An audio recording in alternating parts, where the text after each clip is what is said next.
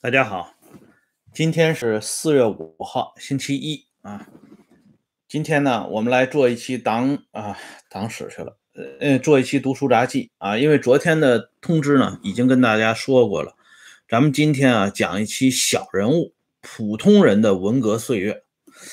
今天啊，早上有个朋友跟我说一下，说这个张震回忆录啊，这一套是两本的，呃，在网上已经被下架了，看不到了。啊，不知道是因为什么原因。按说这本回忆录啊，我也翻了两遍了，没有什么特殊的地方，啊，没有什么就是让人觉得特别神奇的地方，就是一个呃老先生自己晚年把自己的一生的经历呢，简单的写了一下，啊，略微有一些呃史料价值的，就是在于他和彭雪枫共事的那一段还有后来呢，他在总参。在代总长聂荣臻手下工作的那一块啊，包括后边的那些事情呢，都很泛泛。不知道为什么啊，这么一本书现在居然洛阳纸贵啊，找不到了，以至于呢价格炒得非常厉害。因为是读书杂记嘛，所以我在这里啊专门提一下。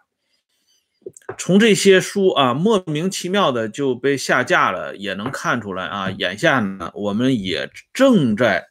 遭遇一个非凡的年代，那么现在呢？我们先说上一个非凡的年代里边，对于啊普通人来讲是一个什么样的概念？嗯，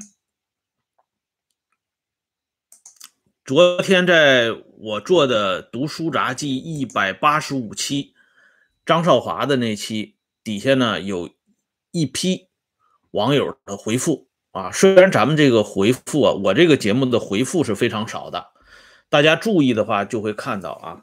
不过呢，我这个节目有些回复是非常精彩的啊，比如说咱们那位资深的啊朋友啊，经常留下非常隽永的那种回复，让很多朋友都流连忘返。刚才有个朋友啊，在推特上就已经问过这个问题，说这个载涛为什么名列两王三贝勒啊，导致大清国亡国的这个概念？呃，你要看一下溥仪的前半生，呃，回忆录里边你就知道，溥仪对载涛啊，对他这位叔叔印象特别不好啊。老版的《我的前半生》和新版的《我的前半生》里边都保留了。溥仪曾经训斥一位家族里边的长辈，啊，说你对我不恭敬，那就是对穆宗义皇帝啊不尊敬，对德宗景皇帝不尊敬。有这么一段这个插曲，说的那位长辈就是载涛，啊，这皇帝呢对载涛一直有憾恨，啊，所以把他列在两王三贝勒里边是非常正常的。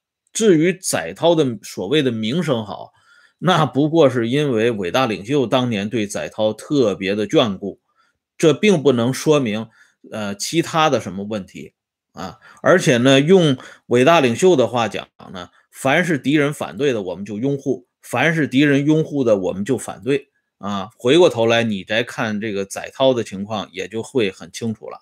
你的提问呢，我就解答到这里啊。我们现在呢说这正题儿。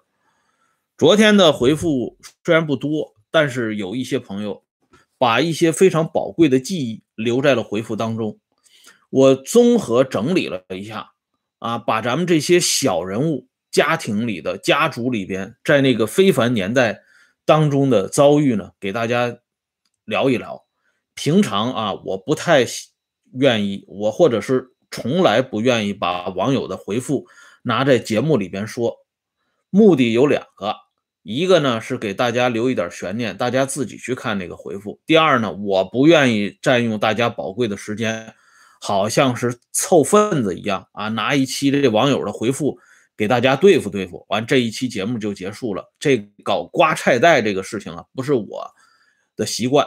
但是今天因为涉及到那段非凡的岁月和年代，因此呢，我们有必要把这些普通人的心酸的历史呢，跟大家一起晒一晒。同时呢，也跟大家一起聊一聊。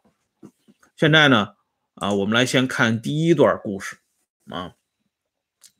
咱们这个网友说呀，文化大革命期间，他是给他关在牛棚里边的爸爸去送饭，啊，途中呢遇到一个经常检举别人的一个木匠，这个木匠呢就把他的衣领子给抓住了，说他说了一句反动的话，啊，咱们这朋友说，你看着我跟谁说了？啊，这木匠居然说什么呢？说你自言自语，这就不好办了啊！就像古代年间讲那种伏匪，就说你在心里头骂皇帝，那你怎么解释呢？对吧？就在这个时候啊，一个出身好的邻居站出来了，指着那个木工啊木匠说：“你胡说八道！我看见他嘴都没有张开过，怎么能自言自语呢？”这木匠呢，一看对方出身非常好。那所以呢，就放开了手，让咱们这位朋友就走走开了。这种情情节啊，在今天这个社会里，你恐怕是看不到了。但是在当年，那可是比比皆是啊。梁晓声留的那本自传体的小说啊，一个红卫兵的自白里边就写过哈尔滨，呃，大街上你走着走着，经常就有人过来问你，你们家什么出身？啊，如果你说三代贫农、贫农，或者是这个工人出身，人家摆摆手就让你过去了；否则的话，人家就会跟你纠缠不清。包括八十年代啊，李国文编剧的一部电影啊，《秋天里的春天》啊，讲的是一位老干部遗孀啊与一位邮呃邮政局的工人的恋爱故事。呃，这个电影呢，曾经还一度非常有名气。那部电影里边就是展现了这一幕，啊，这个老干部的遗孀呢备受欺凌，但是这个时候就有一个邮递员出来保护他。由于这个邮递员家里三代贫农，所以他在造反派面前非常有话语权。可见呢，这个事情呢在当时是一个非常普遍的现象，在今天啊你很难理解了。还有一个呢。呃，朋友说他有一个小学同学用毛泽东的这个头像啊包书皮儿。那个时候文化大革命已经结束了啊，恢复高考了，但是老师呢仍然是汇报了，警察也来了，调查了一下。好在呢那个时候文化大革命毕竟结束了，这个事儿呢，呃虽然发生了，也就是以批评教育为主。可是他的这个小学同学由此啊留了一个外号，叫“小反革命”，一直到他小学毕业的时候，很多人还叫他这个外号。这一点啊，我记忆非常清醒，因为我上幼儿园的时候就发生过这样一件事情。我上幼儿园的时候，说实话啊，那个时候已经开始改革开放了啊，这一篇呢，沉重的一篇，应该讲已经翻过去了。但是后遗症非常明显啊！有一次呢，这班里的老师啊，在讲一个悼念周恩来的故事啊，最后呢，他说了一句：“他说周总理永垂不朽。”咱们那个时候是幼儿园的小屁孩他不明白什么叫永垂不朽，哎，互相呢就问什么叫永垂不朽。这时候呢，咱们这个小朋友堆里就有一个民工二大爷啊，他出来说了一句话。他说：“永坠不朽就是周总理喝醉了啊，他把永垂不朽呢听成了永坠不朽啊，他理解呢就是咱们的恩来同志喝多了，喝醉了。这话说出来以后呢，咱们那个小朋友里边呢也有这个政治神经绷得非常紧的，马上就到老师那告状去了。他说谁谁啊，说那个周总理喝醉了。”老师一听，就把那小朋友叫去了，别胡说八道啊！再胡说，回家告诉你爸妈去啊！这小朋友吓够呛。有这么一段事儿，要知道这个时候啊，文化大革命已经结束好几年了，可是仍然会发生这种事情。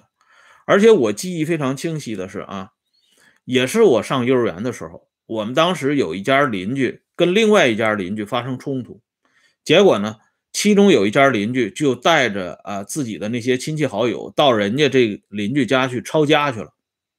就说文革结束了那么多年，这个文革当中的一些遗风，比如说抄家这个东西，居然还停留在民间的这个记忆和行动当中，啊，可见这场运动给大家带来的是一个什么样的概念。啊，这有一个呢，就是一个网友讲了啊，他说他的父母呢，当时在国家部委文革当中呢搞派性，都要写这个揭发材料。一九七九年开这个平反大会，把揭发材料发还给个人。啊，他的父母呢都看了对方互相写的东西。咱们这位朋友啊，虽然年龄比较小，但当时他也看了。后来家里人呢就把这些揭发材料都给烧掉了。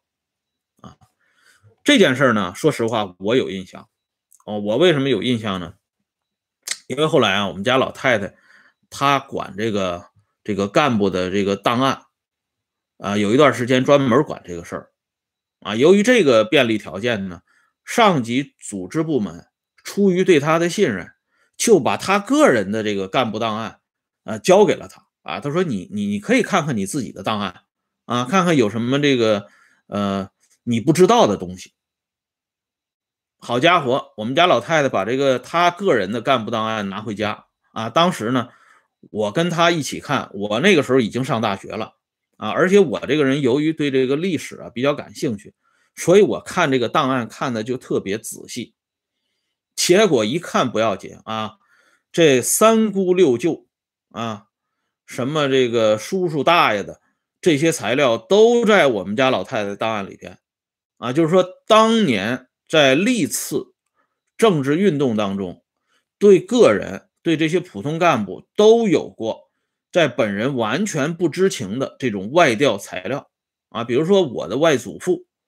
他的历史档案材料就在我们家老太太的那个档案袋里有所体现啊，把我外祖父从这个啊到日本留学啊，到回国工作啊，最后呢啊，包括他参加起义啊等等这一系列的这个事情啊，他跟谁谁的关系啊，怎么怎么样好，他跟这个哪个哪个啊。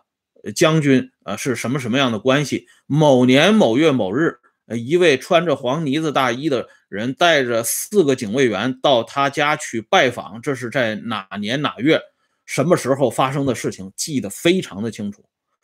而且我还有一亲戚啊，其实也也也是很近的亲戚，他由于呢啊帮过我外祖父啊一次啊。怎么帮助的？这个细节在档案里边写的也非常的仔细啊。由于呢，咱们这位亲戚也是老革命了，所以呢，这份档案是从他所在的那个国家部委的档案里边抽调过来塞进来的。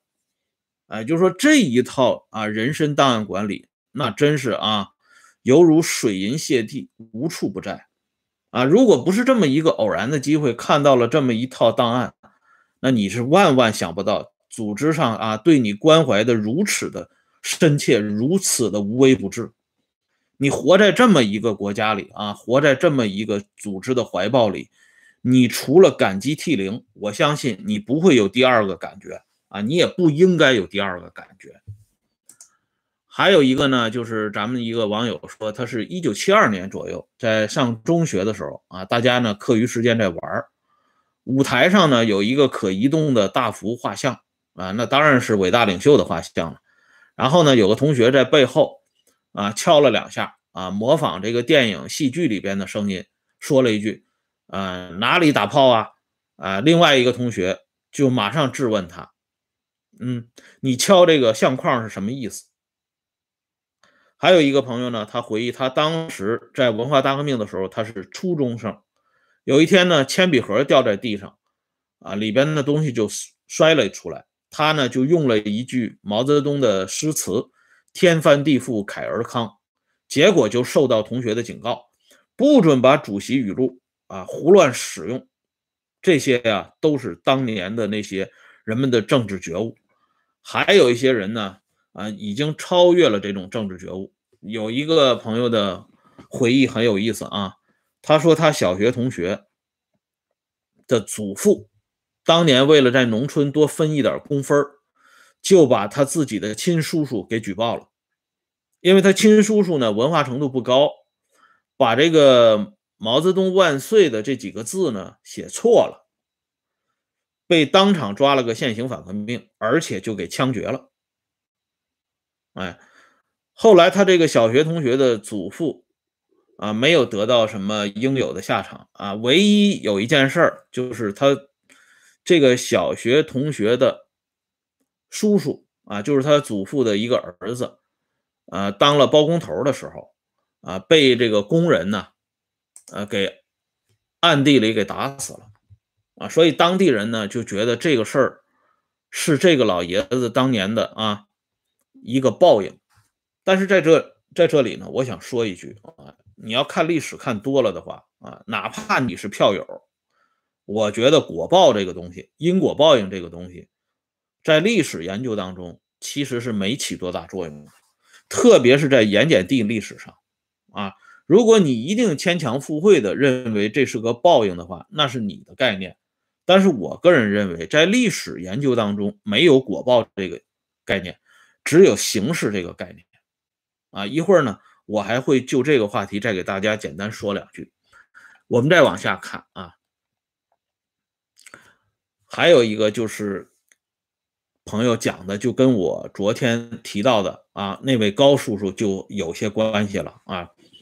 说他的咱们这位朋友这老爹呢，是从上海赶赴安徽支援建设。休息聊天的时候呢，就聊了一下江青当初在上海电影圈的一些事儿，结果就被人给举报了，啊，呃，就给抓了现行，关押批斗游街，啊，好在呢，咱们这位朋友的老爹呢命大啊，硬是挺了过来。平反以后呢，那个给他告密的那个人跟他见面就跟没事儿一样，就别说什么道歉了啊。这个嘴脸就跟那个张少华非常相相似啊！有的人昨天说了啊，说你们家老太太啊没有贴这个高叔叔的大字报啊，把他撕了，这不算救人，这叫不作恶。我在这里我想多说一句啊，不是说替我们家老太太张扬，我是想说在那个时代，不作恶就已经是在救人了啊！因为这个昨天话题里边已经说了。如果把他啊借用伟大领袖老三篇的那段话用在耗子身上的那个记忆给抛出去的话，咱们看看刚才那位网友，呃，他老爹的这个亲身遭遇，那批斗游街挂牌子是非常正常的，是家常便饭的。呃，如果有人因此下狠手的话，那命都不一定能保得住。在那个时代，死一个人比死比死一个蚂蚁还容易啊！哎，而且施暴者不负任何责任的。还有呢，一个朋友讲，他的爷爷呢被打成右派啊，全家下放农村，待了二十二年。啊，在文化大革命中批斗他爷爷呢，就是让他爷爷和另一个右派互相打耳光。结果他爷爷说了一句话，他说：“我已经是人民的敌啊罪人了，我不能再打人民了。”那个管。管理他爷爷的人呢，还算开恩啊，就放过他了，算是逃过了一次的羞辱。哎，再有一个呢，就是一个网友讲他的啊一位老邻居啊，这个老邻居呢是六十年代上个世纪六十年代在空军报社工作过，在林立恒手下，就林豆豆手下，因为抄写语录啊落了一个字，落下一个字。立刻啊脱军装走人，发配到山西一个小城市一个工厂，一工作就是十几年，离休待遇就没有了啊。但是呢，这老爷子身体还不错，后来一直活到九十六岁，哎，也算是啊善终了。就是说，看到这么一些情况，所以咱们有一个朋友他说了这么一句话。他说：“伟大领袖嗝屁的时候啊，他也想像别人一样嚎啕大哭，但是就是这眼泪掉不下来，特别的困难。最后呢，只好假装啊啊，就是假装跟人家一起啊干嚎两声，没有眼泪。这一点，说实话，不仅他说的这个事情有啊，我们家老太太她说，当时在他们单位集体悼念伟大领袖的时候，就有好几个同事。”都是这个状态，当时大家不敢说，事后多年啊，在一起聚会的时候就说，有一个他的同事就讲，他说我根本就哭不出来。但是后来老太太问他说：“那你当时哭得很厉害呀？”我记得，他说：“嗨，那不是哭他，我是想起啊，我妈我爸还在这个呃五七干校里边呢，所以就想起自己父母的这个遭遇，所以呢，就借这个场合使劲哭了一下。要不平常哪敢随便哭呢？哎，你想想这个时代啊，连哭自己父母的权利都没有，这是一个什么样的时代？”为什么啊？这个刚才我不是说说到这个形势嘛，就说为什么会有这么一场啊翻天覆地的这场大运动？因为仇恨积压的太久了啊，在一九四九年到一九六六年这十七年当中，由于不断的拉仇恨，让这个仇恨的积淀已经上升到一定高度了。这个时候。统治者或者是统治阶级，如果不把这种仇恨、这股邪火放出来的话，日后呢，他还会出现更大的问题。所以，我们经常说形势比人强，就是在这种背景下，文革的这个怪胎呢，就给放了出来。所以，文化大革命，总而言之就是三个字：报私仇。最高首长报私仇，底下老百姓也在报私仇。所以，为什么这场大革命始终得不到清算？就在这里，因为什么呢？因为几乎可以说得上人人有份儿啊啊！包括你像我昨天讲我们家老太太那个情况，如果这个高叔叔不在现场的话，啊，他没有哀求我们家老太太的话，老太太这张大字报也就贴出去了啊。这个虽然历史不能假设，但是当时的情景就是这样。因为你不揭发别人，这里存在一个问题，就是你对文化大革命是一个什么态度的问题。这个罪名谁也担不起。哎，所以不管你是主动的还是被迫的，可以讲几乎人人作恶。所以这场运动不可能被清算。张少华这样的角色比比皆是，包括那些愿意给张少华说呃说什么“人死为大”呀。啊，他是一个懵懂的二十几岁的这个青年呢，这些话的人，你放心，他身上也有一笔乱